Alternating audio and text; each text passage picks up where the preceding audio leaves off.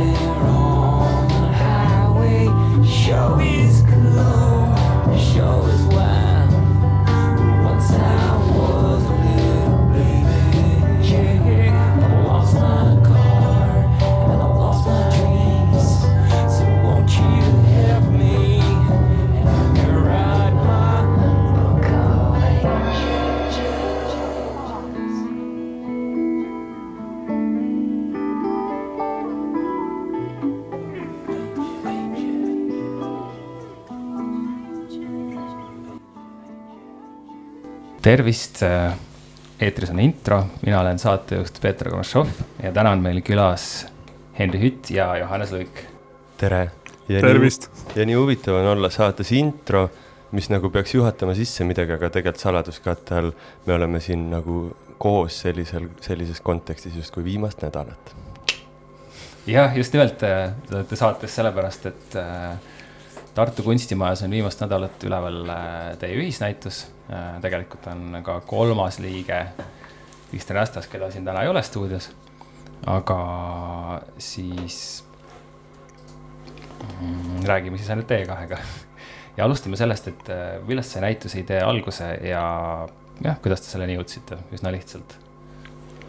ma kõigepealt äh, tahaksin täpsustada, et me võtame seda küll kui väga ühisnäitust, kuigi me tegelikult tegeleme erinevate teemadega. ühiseks katuseks meie näitustel on siis Tartu kunstimaja ja nagu ütlesid ka kunstimaja asjalikud äh, töömesilased seal, Peeter ja Tanel, et äh, sellist näitust või sellist nagu ühendavat sümbioosi pole nad ammu näinud, et nagu ma võiksin mainida seda, et me mingil ääri-veeri tasandil tegeleme ruumi kui sellise lavastamisega ja seda te- ja sellega tegeles ka Kristen nii et kui inimesed, kes sinna ruumidesse sisse astusid, olenemata sellest, et meil on nendel nagu erinevad, tõesti nagu erinevad kontseptsioonid ja sü süžeed, siis siiski sisse astudes sa võid tunda seda kui selline ühine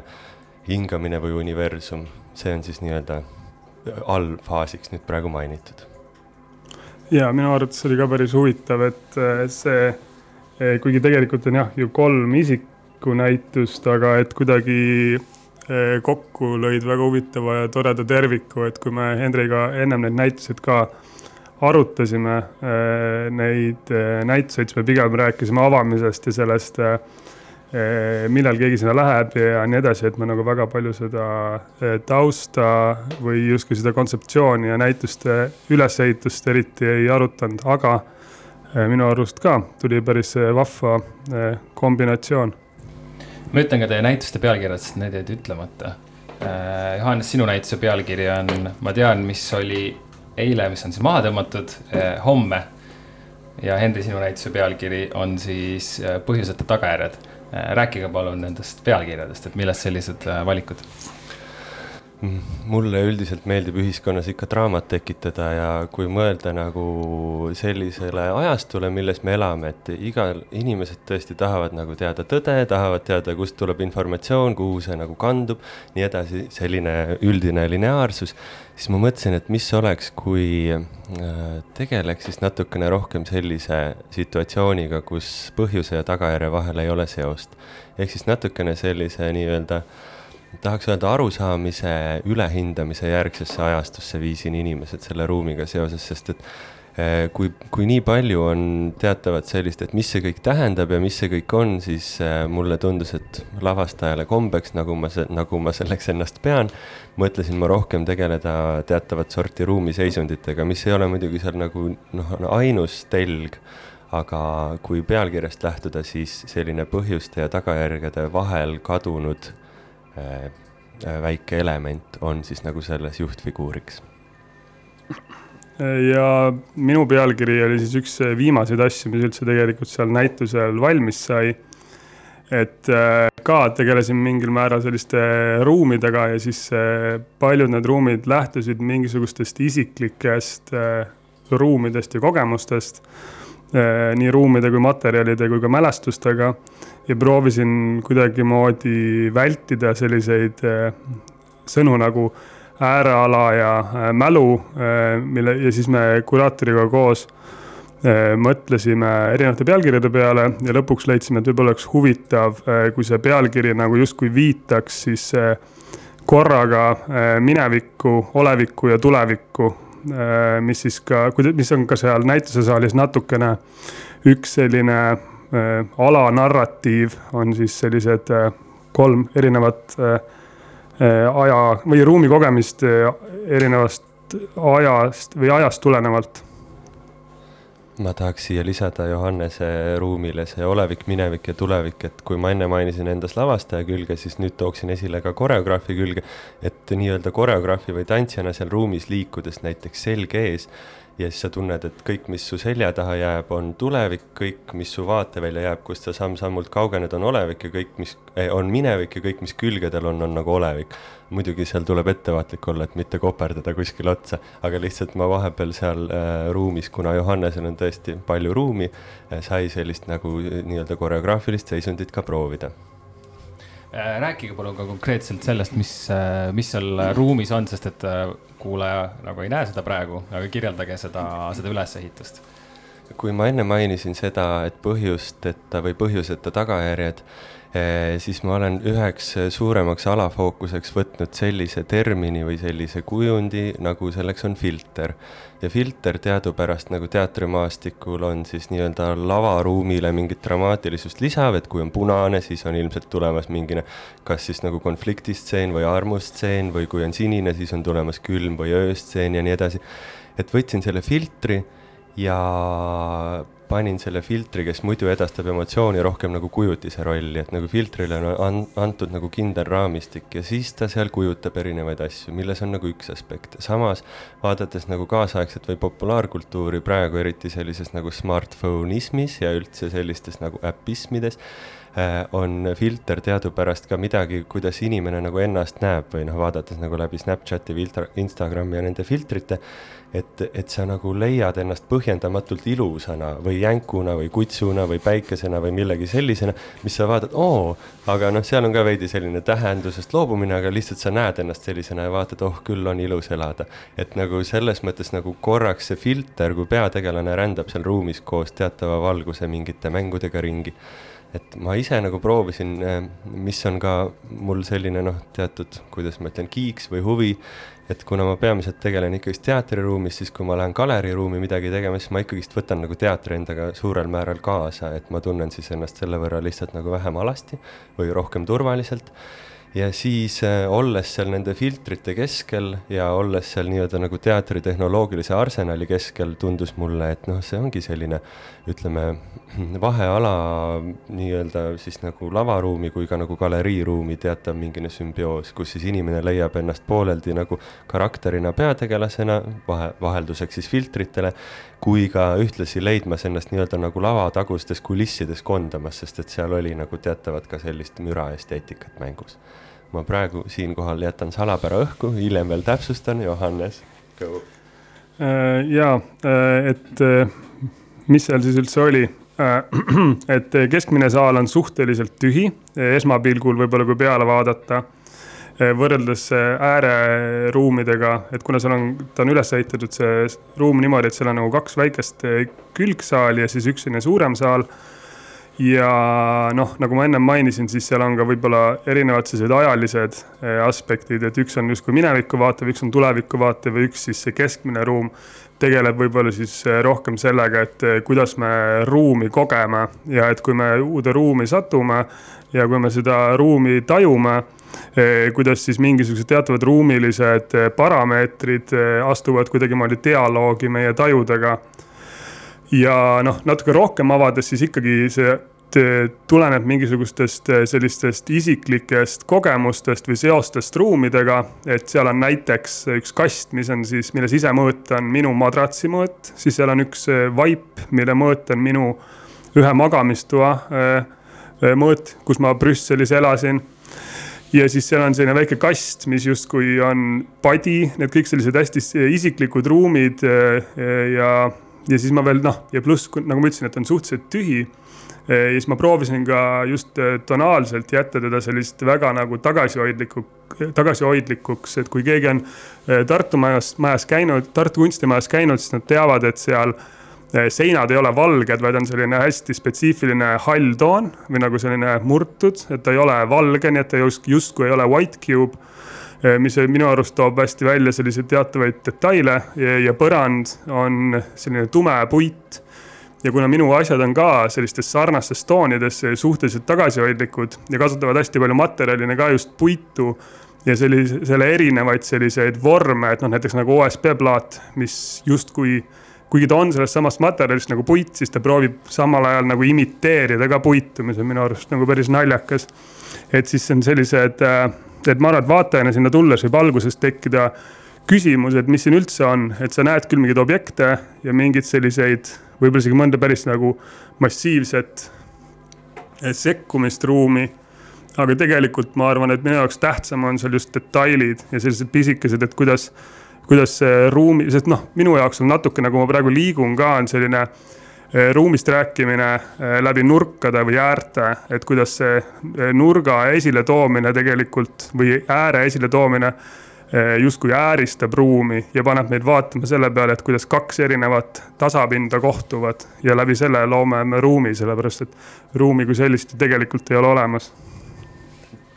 kui Johannese ruumid on tõesti pigem nagu tundlikud ja detailis mõttes täpsed, siis minu ruumid on pigem sellised küberpunk, mürarikkad ja prahised. mis on nagu omamoodi hea, et, et, et sellest see maja dialoog ka tuleb, et, et kõik on omamoodi kuidagi kaardistatud ja äh, kõige peale mõeldud mulle paistis, et äh, kõigi te kolme töid vaadates, et äh, otsite nagu sellist äh, ma ei tea, nihestust teatud mõttes, et lihtsalt vaadata asjale mingi noh, teise nurga alt, mida kunst niikuinii on ju teeb. aga et leida kuidagi selline võimalikult nagu teistsugune vaade ja siis noh, põhimõtteliselt neid tähendusi nagu lammutada kas midagi sellist oli teil ka mõttes? kindlasti, sest kui ma siin enne mainisin, et filter tavaliselt on nii-öelda rohkem emotsiooni looja, siis mul on seal üks teos slaidi karussell, keerleb ringi ja seal nagu slaidide kujutiste asemel ongi siis lihtsalt filtrivärvid, et siis inimene saab samal ajal ka lehitseda neid filtrikatalooge, mis tavaliselt siis teatris, kui sa hakkad tegema lavastust või, või üldse nagu satud sinna nagu valima, et nagu millise emotsionaalsusega sa tahad, et su ruum oleks, siis seal galeriruumis sa näed neid kui kujutisi, sest et tavaliselt slaidiprojektor ikkagist nagu on inimestele pigem mälus kui miski masin, mis nagu toodab kujutisi, aga nüüd nähes nagu värve kui kujutistena ja teatavalt niimoodi raamistatud ja siis teatava sellise nii-öelda slaidiprojektorile iseloomuliku esteetikaga, siis see paneb ilmselt, ma loodan, et mõtlema värvist või emotsioonist kui kujutisest. Ma võib-olla siis avaks ka ühte tööd, näiteks, et mul on seal seina peal üks äh, euroalus mille ma siis äh, leidsin ka Brüsseli tänavatelt äh, ja siis mis ma siis sellega teinud olen, on see, et ma võtsin ta, või noh, tähendab euroalus on midagi, mis on ju väga selline standardiseeritud justkui. ta on, noh, ta on see materjal seal olemas, puit, mis on justkui nagu toormaterjal, millele on antud oma funktsioon ja eh, euroalusel on väga spetsiifilised viisid, mis ruumi kasutada, et noh, et alumine osa on justkui midagi, kuhu, kus on tal see funktsionaalsem osa, et sa tõstad. ja pealmine osa on midagi, mida sa siis nagu, kus sa hoiustad või mida sa kasutad siis mingisuguse millegi teise äh, esitlemiseks või liigutamiseks. Ja mis ma siis seal tegin, oli, et ma võtsin ta täiesti lahti, ma li, äh, võtsin ta juppideks lahti, märgistasin ära, kuidas see täpselt kokku käis ja siis noh,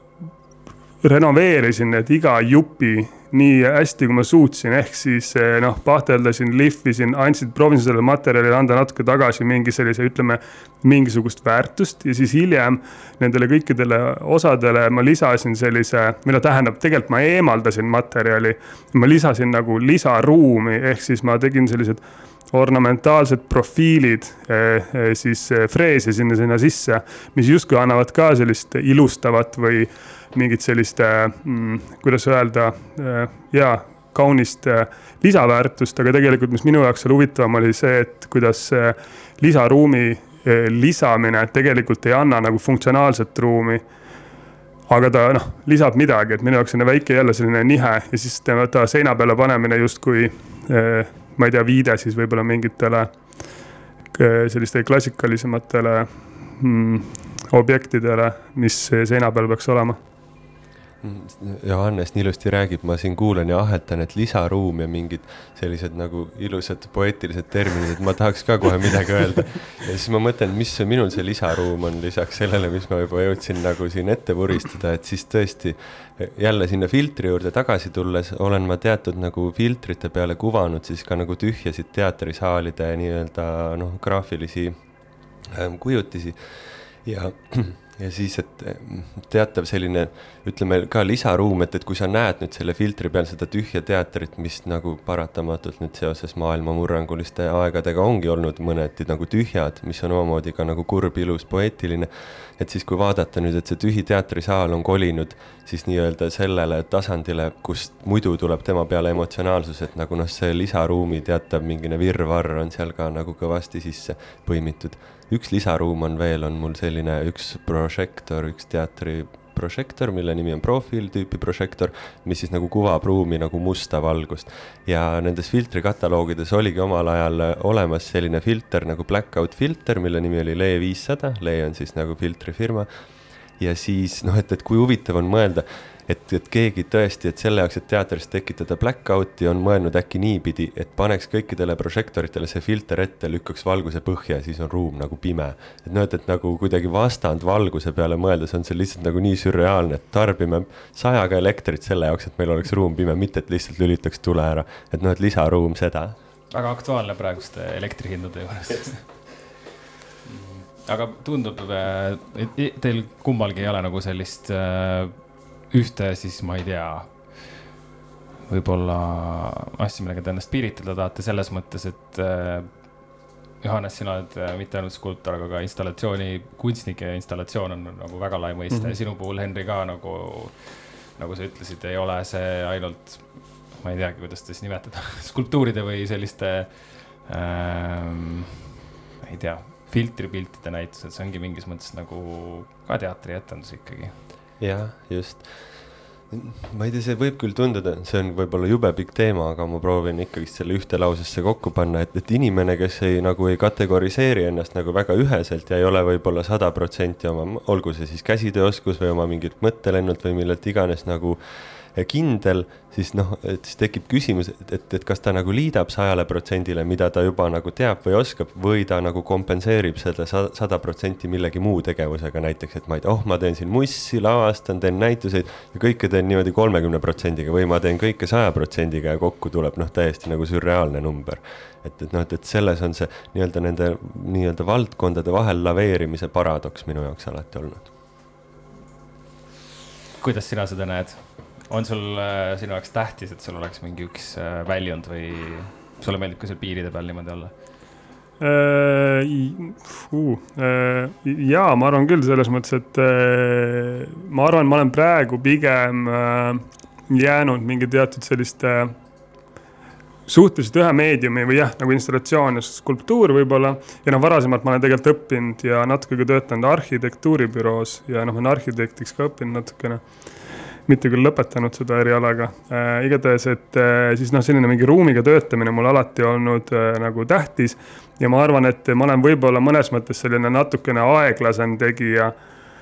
kui Henry, et kui Henryl mulle tundub, et ta teeb hästi palju korraga igal pool ja ta on jah, et nagu ruumist võiks ka näha, et see oli väga noh, äh, väga muljetavaldav, kui palju seal oli ja kui nagu võimas see on siis ma arvan, et mina, minu nagu selline liikumine on palju nagu mõnes mõttes aeglasem, et mul tööd, mul on küll kõrval kogu aeg mingid teised projektid ja teised sellised mõtted ja millega ma tegelen. Aga ma arvan, praegu ma olen kuidagi mingid teatud sellistes, ma arvan, ma võtan aeglaselt ette mingeid teatud eh, noh, näiteks praegu ma tegelen võib-olla puiduga kui materjaliga eh, erinevat, tema erinevates kontekstides, kui selline ehitusmaterjal, eh, kui kunstiteoste transpordimaterjal, kui kunstis üldse selline mingi materjal, mis on väga tähtis olnud ka noh, näiteks kui me räägime skulptuurist muidugi pronks, kivi ja nii edasi. aga puit on olnud alati tähtis. Nii et ma arvan, et praegu ma olen selline materjali spetsiifiliselt ühe juurde jäänud, aga eks ma liigun edasi ja mingid asjad ikkagi tulevad kõrvalt ka. Aga kas ma neid kunagi näitan ja kus ma neid näitan või kuidas ma neid avaldan, veel ei tea sada protsenti me nüüd, me nüüd kogume natukene mõtteid ja siia vahele, et lihtsalt meie jutukõla kogu saadet ei täidaks, siis mõtlesime, et mängime vahepeal ka muusikat. ja tahakski mängida järgmiseks ühe sellise artisti nimega Music for your plants ja tema albumi pealt Music for exhibitions, mis on nagu väga seotud selles mõttes, et meie mõlemi näitust ei saada helifoon, et siis siin raadiosaates võiks selleks vähemalt natuke midagi olla ja helikala, pana helikala, heli helipala kannab pealkirja Signals from Periphery. Who am I? Where did I come from? Why am I here? The image of a coherent world. Climate fiction. Internet of Things, Internet of Nature. Neoliberal artificial intelligence. Hopelessly failing to quantify the world. An image without a picture. Narrative turn, nationalism, nature. Network, noir, nostalgia. Marxism, myth, music.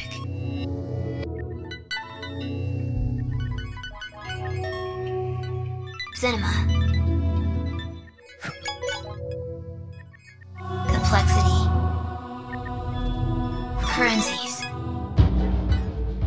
Dance music.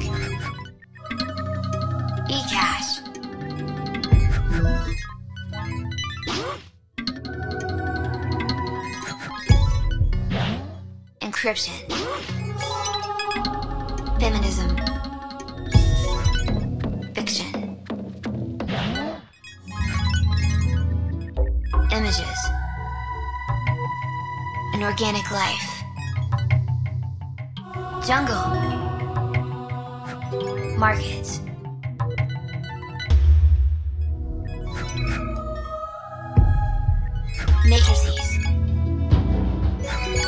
Microbiotics.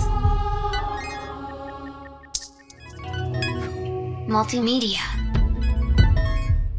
Networks. Numbers. Perception.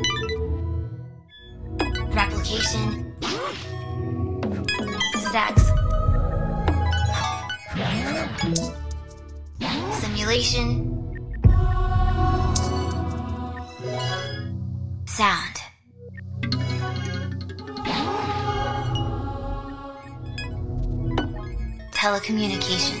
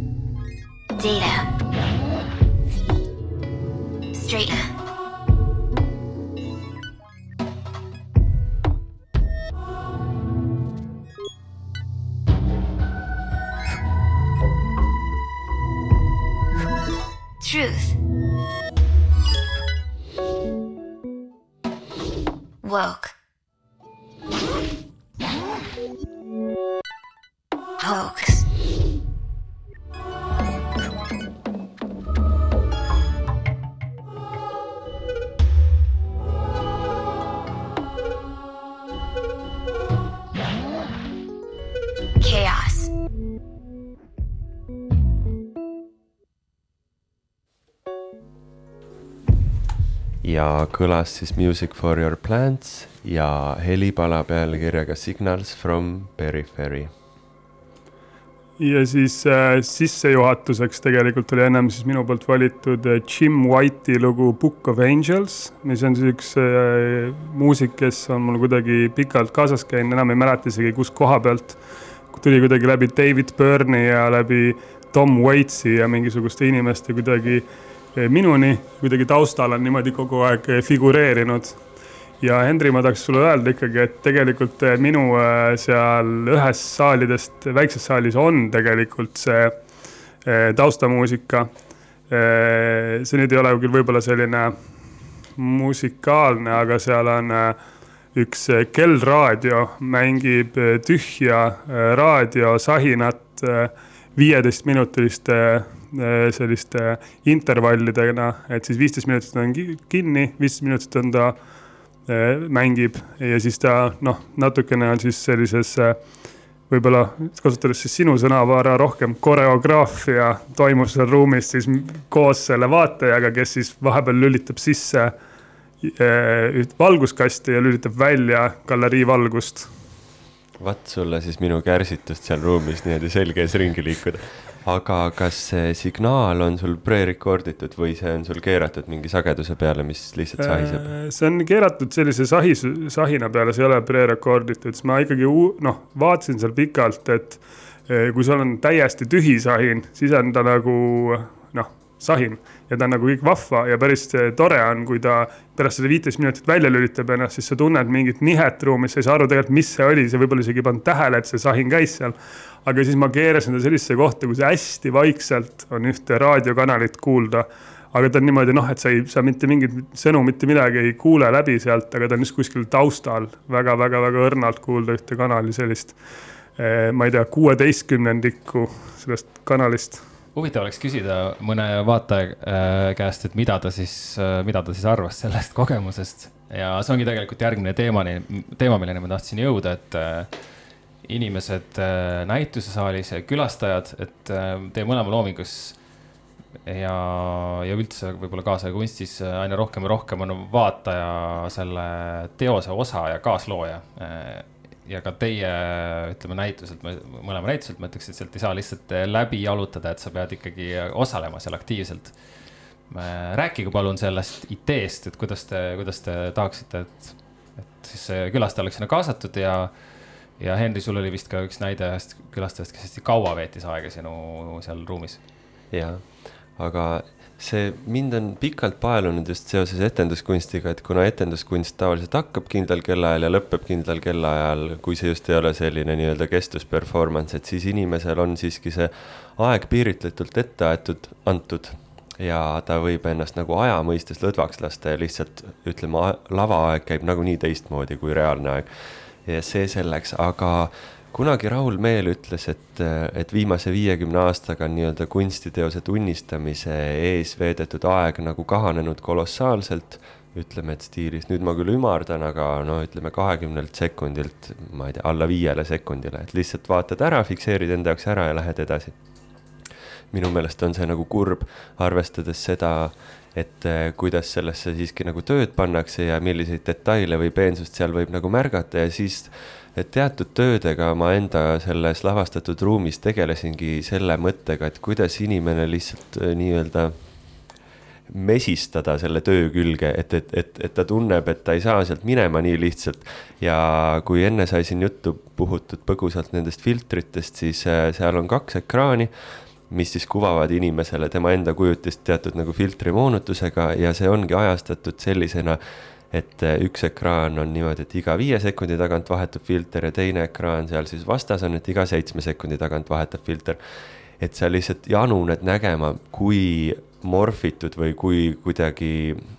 mitteorganiseeritud sa uuesti seal välja näed, sest inimesele ikka meeldib ennast sellisest nartsissistlikust perspektiivist vaadata. ja kui sa näed ennast nagu sellise kunstiteose sümbioosina, olemaks osa sellest, siis see on nagu teatav selline isegi kergelt sõltuvust tekitav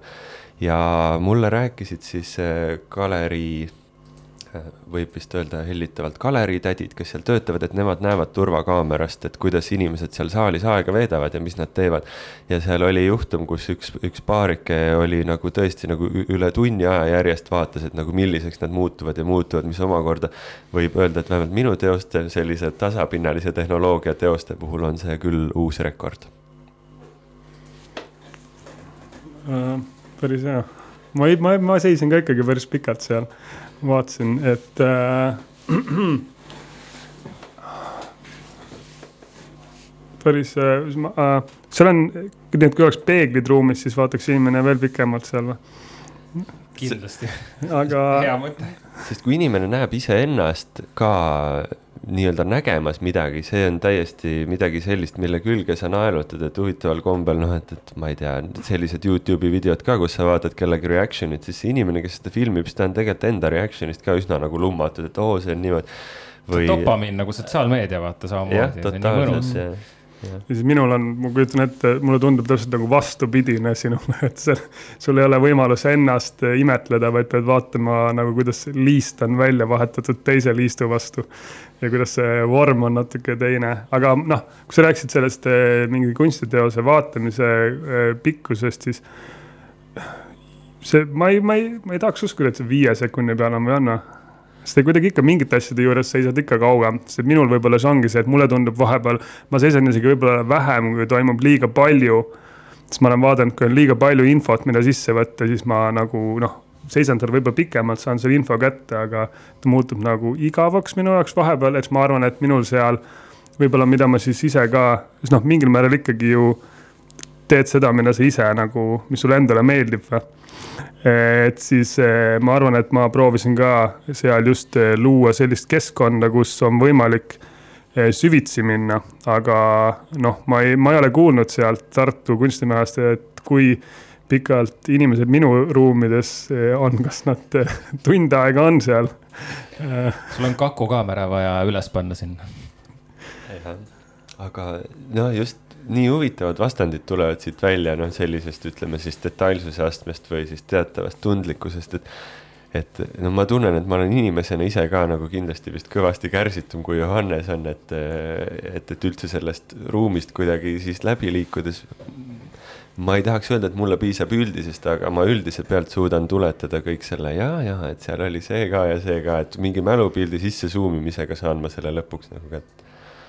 ma tahtsin ühte asja seoses selle nii-öelda selle enda konfronteerimise kohta nagu öelda, et mis mind on tegelikult üsna pikalt huvitanud, et ongi nagu see vaataja kogemus ja vaataja kogemuse nagu nägu või impressioon nagu selles situatsioonis ja noh, et tihtipeale lavalt vaadates nagu publikusse ma nagu näen neid selliseid nagu kergelt nagu hämmeldunud nägusid, ükskõik nagu, mis seal siis nagu on. ja, ja kui inimene nagu ise siis näeb enda nägu olgu see siis talle siis kuvatud nagu laivis kaameraga või kuidas iganes, pannes peegli talle ette siis nagu tuleb mingi teatav kohmetus, et issand, et oota sellise näoga ma siis nagu tunnistangi kunsti või vaatan midagi. ja ma tahaks nagu öelda, et see selline kergelt jahmunud või selline ontlik või isegi nagu kirjeldamatu nägu on kohtumine millegi nagu, kas kohtumine millegi unikaalsega või kui sa oled armunud, et siis sa oled samamoodi veidi selline nii-öelda natukene oma elemendist väljas ja seesama mingi teatav situatsioon huvitab mind väga ka nii-öelda, kui vaataja kohtub nagu kunstiteosega. et ta lihtsalt nagu, kui ta laseb endal sellest kanda, siis ta nagu unustab totaalselt, milline ta ise on ja, ja siis võib-olla just nagu kon-, kontramovement'iks sellele, et nagu, et kui enne ma kirjeldasin, et siin nagu vaatad ennast läbi filtri ja vaatad, oi kui ilus sa oled, siis ühel hetkel, kui sul läheb see noh, nii-öelda ilu, olgu siis nagu korraks tahaplaanile ja jäädki sellise kergelt nagu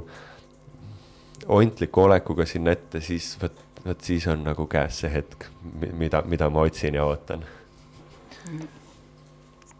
Äh, mulle tuletab see meelde, kui seal, äh, ma ükskord osalesin ühel sellisel äh, elutoa näitusel. see oli tegelikult üks korteri selline galerii või vitriin ja kus nad avasid seda järjest rohkem ja rohkem, see muutus järjest noh, võttis järjest üle ruume ja siis üks hetk oli näitus köögis ja igas köögikapis siis esitles keegi oma teost ja siis, mis, mida mina seal nagu esitlesin, oli oma ühte sellist arhiivi, mida ma praegu eh, kogun, mida, millele ka Andrus Laansalu selles samas raamatus, mis siin kuskil on, eh, viitas eh,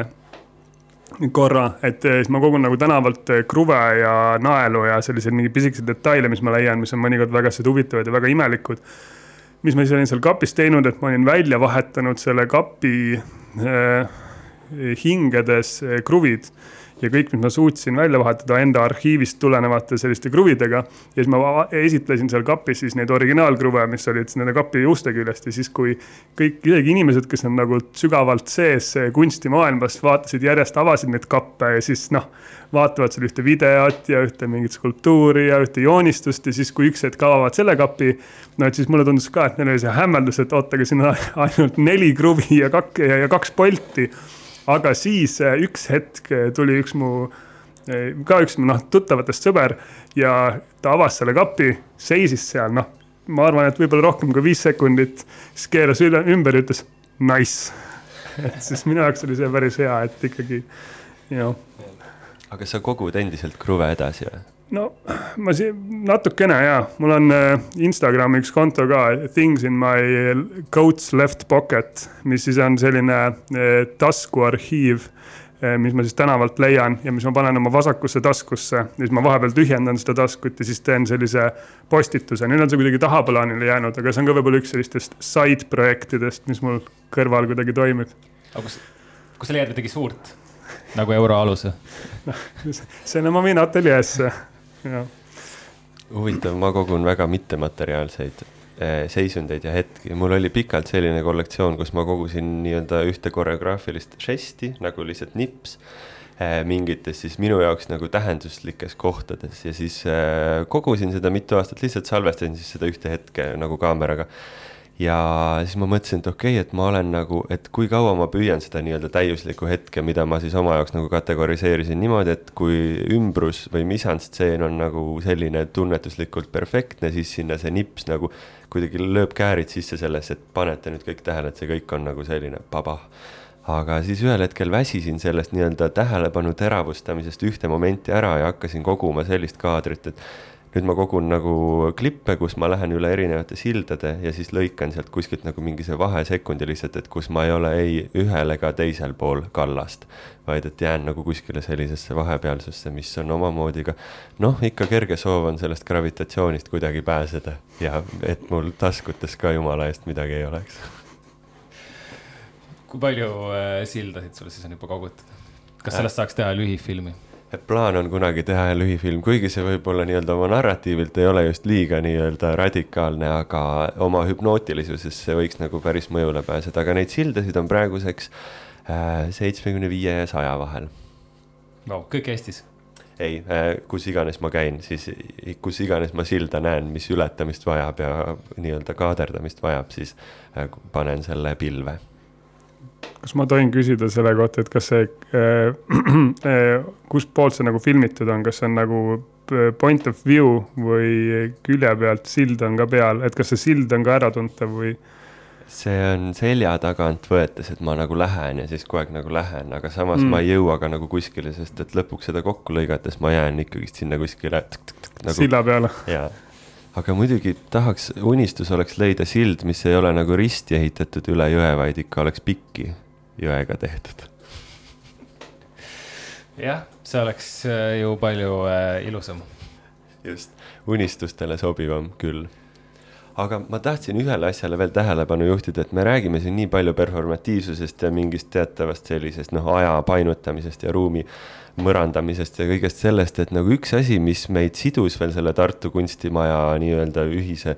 rütmi sappa oli ka see, et kohe, kui me Johannesega rääkisime, et noh, et mis näitused meil siis tulevad, siis me leidsime kohe, et oh, et no avamine peab grande olema, eks ju, et nagu, et, et ilma selleta ei ole sellist tunnet, et, et nüüd on midagi nagu suurt. minu jaoks on esietendused ja avamised ja üldse tähistamine nagu võib-olla ülitähtis, mitte võib-olla ka kindlasti. ja siis, et me leidsime eh, ühise osana kohe niimoodi ilma isegi järgmisesse lausesse süvenemata, et, et kui huvitav oleks teha sellele majale introna siis selline nii-öelda noh, pooleldi tõepõhine, pooleldi fiktiivne tuur, mis viiks siis külastajad erinevatesse ruumidesse, katakombidesse, sealsetesse stuudiotesse, kuhu muidu juurdepääs puudub, puudub, et nagu miks võiks olla just avamisele ja nii-öelda sellel, selle hetke tähistamise, tunnistamisele tulemine just eriti nagu vaatemänguline ja see tuur läkski meil lineaarselt, et Johannes alustas, ta enda tuurist võib küll kohe nagu paari sõnaga pikemalt rääkida, aga see lihtsalt, et mina siis võtsin ühel hetkel üle ja siis Kristjan võttis ühel hetkel üle ja siis võib-olla kõige vähem tähelepanusse selle tuuri kontekstis jäidki meie enda näitused, aga rohkem nagu äh, näitasime selle maja võimalusi ja võimatusi, kuhu siis muidu ei pääseks, et noh, teatav selline no performatiivne kulisside taga kondamine, mis Äh, tekitab ilmselt või võikski või hiljem ka kuulsin nagu külastajatest sellise tunde, et oh, et ma sain siit midagi rohkem kui lihtsalt äh, nii-öelda näituse ja selle näituse avamise tunnetuse ja ma võib-olla siis äh, hea meelega ka see jah, seesama see tuur, et minu jaoks ta oli ka päris nagu äh, meeldiv, sest minu jaoks seesama maja on nagu äh, põhimõtteliselt terve mu elu olnud kuidagi minuga seotud, et ma käisin seal selle maja kõrval lasteaias. mu ema töötas seal pitsabaaris ja mu isal oli seal üleval stuudio, ateljee et ja tšau isa. Äh,, igatahes et äh, ja siis äh, äh, jah, et kui ma noh, ja kuna ma tegelen ka mäluga ja mingite ruumidega, siis minu jaoks nagu selline kahe asja kokkutoomine, et need teatavad, või noh, need ruumid, kus me siis äh, oleme, mida me siis me ta, minu jaoks noh, taaskogeme, tuua kuidagi paralleel või selline seos siis mingisuguste mälestustega seal. Ja noh, mäluga, mäluga on selline asi, et ega mälu ei ole ju kunagi sada protsenti tõene, et siis noh mingeid asju ma seal teadvu- te,, noh, kuidas ma öelda, tead-, teadvustatult nagu muutsin. teisi asju ma lihtsalt proovisin rääkida nii täpselt, nagu ma mäletasin, aga arusaadavalt need ei ole tegelikult sada protsenti tõe, tõde. et seal oli mõnes mõttes selline võltsnarratiiv ja ka minu jaoks väga palju sees et siis jah, minu jaoks võib-olla kõige huvitavam, mis nagu noh, kõige pikem oli ka, et kuna noh, selle Covidi tõttu ju ei tohi olla väga palju inimesi korraga ruumis, aga et siis, kui sisenesime mu isa ateljeesse, eh, mis on eh, noh, põhimõtteliselt maast laeni täis skulptuure ja, ja tea, eh, juhtus niimoodi, et elekter ei töötanud seal ruumis, siis taskulambiga seal ringi vaadates muutus see minu arust väga dramaatiliseks, kui sai sisse ainult tulla võib-olla nagu neli inimest ja siis ka ei olnud väga palju ruumi ja siis pidin ma seda ühte ja sama teksti põhimõtteliselt rääkima neli-viis korda, mida ma siis kogu aeg tegelikult veel muutsin ja siis tõin väiksed selliseid eh, noh, fookuspunkte seal, et eh, ja, et mulle nagu see ka väga meeldis, minu arust tuli päris hästi välja meil see. ma lisan siia ka siis ühe dramaatilise momendi, kuna minul selle majaga suurt mm, varasemat seost ei ole aga ma lõpetasin seal enda jaoks sellise dramaatilise liigutusega ära ühe nii-öelda ebauskumuse või kinnisidee, mis mul on olnud nagu hästi pikalt seoses nagu tantsija ja koreograafi background'iga või taustaga. ja nimelt oli mul siis sinna alla keldriruumi, kuhu minu näitus tegelikult üldse ei küündinud, olin ma siis lõiganud välja tantsupõrandast, mis on siis selline nagu kummist põrand, mis tavaliselt tantsuetendustel käib. olin lõiganud välja ühe riba ja siis äh, panin selle nii-öelda sümboolselt põrandale ja astusin selle peale esimest korda jalanõudega, sest et tantsupõrandale, kes jalanõudega astub, see läheb põrgusse. ja nagu nüüd ma siis nagu võtsin endas nii-öelda julguse kokku, teatav metamorfoos, et okei okay,, et nüüd ma olen võimeline seda tegema. järelikult ma võib-olla mingites teistes kunst, kunstivaldkondades juba tegutsen piisavalt, et mitte karta seda põrgusse minekut ainult siin tantsu kontekstis. väga julge, läksid, äh, läksid üle piiri täielikult. Just eriti selline underground, niigi põrgu tasandil viibimine, kui nüüd mõelda, kus pool võiks asuda maa ja taevas ja siis see oli kuidagi sümboolne. Et, et noh, see tuur kui selline, noh, vähesed, kes sellest osa said, siiski kuidagi endale jube tähenduslik, et teha midagi nagu lisaks, et sa suudad ka kunstnikule, kunstnikuna, et vähe sellest, et sul on nädal aega seal installi aega, mõtled, oh my god, kuidas kõik valmis saab, aga hops, tead, me siin nii muuseast toome veel ka mingi see lisa Äh, tegevuse mängu, et nagu endale jäi sellest pärast nagu veel väga hea tunne, mis jah, just. Johannes, palun räägi veel äh, sellest mälu teemast rohkem, sest et see on tegelikult väga oluline ju sinu terve selle väljapaneku kontekstis mm. -hmm. see on ka teatud mõttes nagu filter, et see on selles mõttes nagu petuvärk äh, eks ta natuke on ja, et äh, ma ei teagi, kuidas seda nagu võib-olla avada kõige paremini, aga noh, nagu ma rääkisin, et seal on kaks külg, külgsaali, mis võib-olla tegelevad selle mäluga nagu suhteliselt otse. Et üks nendest ruumidest on siis selline mm, mängumaja koopia, ehk siis kui ma olin umbes viieaastane, siis mu vanaisa suri, aga ennem seda ta oli jõudnud mulle ehitada ühe mängumaja meie sellise, meie suvilahoovi ja siis ma olen, kasvasin kogu aeg üles selle mängumajaga, see oli minu nagu justkui esimene isiklik ruum, esimene maja. Ja siis, aga vanaisaga ei olnud mitte mingit kontakti ja siis sellise, kuidas öelda siis, ma hakkasin uurima, mõtlema, et mis asi siis on noh, nagu mälu ja nii edasi, et kuigi mul on ainult võib-olla mingi üks või kaks mälestust vanaisast aga et siis proovisin võib-olla sellise nagu saada temaga kontakti mingi sellise võib-olla füüsilise mälu abil, et käies läbi need sarnased äh, sammud, mis tema võis käia, kui ta seda mängumaja ehitas, ehk siis ma valisin kõik noh, mõõtsin mängumaja jupp jupi haaval sisse. Ehitasin seda niimoodi jupp jupi haaval ülesse, proovides läbi käia siis äh, mingeid teatud füüsilisi äh, võtteid, jõuda siis ja proovida aru saada, kuidas see inimene siis mõtles ja võib-olla ma ei tea, kas see tuli välja või ei tulnud, üleval ta seal on, ma olen teda kahte erinevat viisi näidanud, ikka ei ole sada protsenti rahul. Võib-olla peaks kolmandat korda veel kuidagi teistmoodi näitama, kolmandat moodi näitama. Ja siis eh, parempoolses saalis on üks asi, mida ma varem nä olen näidanud eh, Coco galeriis, ka Tartus. mis siis on ka nagu võib-olla räägib sellest, et kuidas mälu toimib ja et vahepeal mm, noh, mälu justkui nagu peaks vaatama minevikku, aga siis vahepeal tekib sihuke tunne mul vähemalt, et mingite ruumide või noh, just nagu ruumimälestustega, et tekivad sellised justkui mälestused tulevikku, et sellised pildid, mis sa lood Eh, mis võib-olla siis on kuidagi eh, üles ehitatud ka, kogemustest ja siis nad niimoodi tekitavad selliseid kihte ja läbi selle sa lood nagu selliseid võimalikke variante tulevikust. ta on siis selline linadega kaetud elude situatsioon, mis siis justkui räägib sellisest eh, tulevikumälestusest, mis võib olla nagu iga hetk muutunud, aga sellised nagu, kuidas öelda, üldistatud vormid on justkui olemas. ja see on võib-olla nüüd läbi nende kahe teose ja, ja no ma arvan, et seal ongi hästi tähtis minu jaoks just see, võib-olla mitte see visuaalne mälu, aga proovida rääkida natukene mingist sellisest füüsilisest mälust ja kuidas me nagu ruume kogeme. ja et just natuke nagu jah, eemalduda visuaalsusest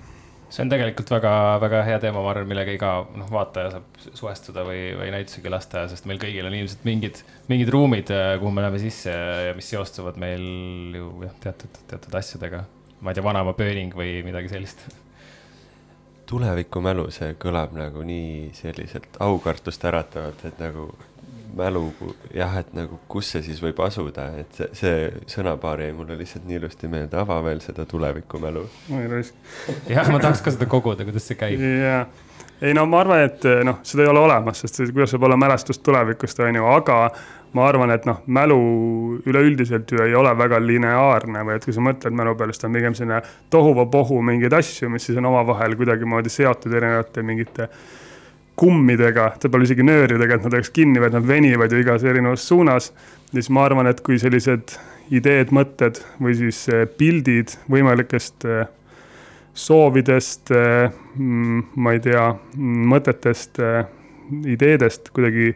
kogunevad, siis nad loovad võib-olla mingi sellise variandi, mis võiks olla mingisugune tulevikumälestus või siis mingi selline eh, võimalik variant. Ja siis, kui see ka asetada sinna sellisesse võrgustikku, siis võib-olla tihti ta eh, võib seal, kui sa peaksid hakkama seda lineaarselt kuskile asetama, siis kas ta ikka läheb sinna tuleviku poole peale, ma ei tea korraks sellega, kui sa rääkisid, jäin ma trippima hoopis ühel teisel teemal, mis on selline nagu unikaalne mälestus, mida paljud, nii paljud, kui ma olen nagu rääkinud inimestega, nagu peavad seda, et oh, et ainult neil on see juhtunud.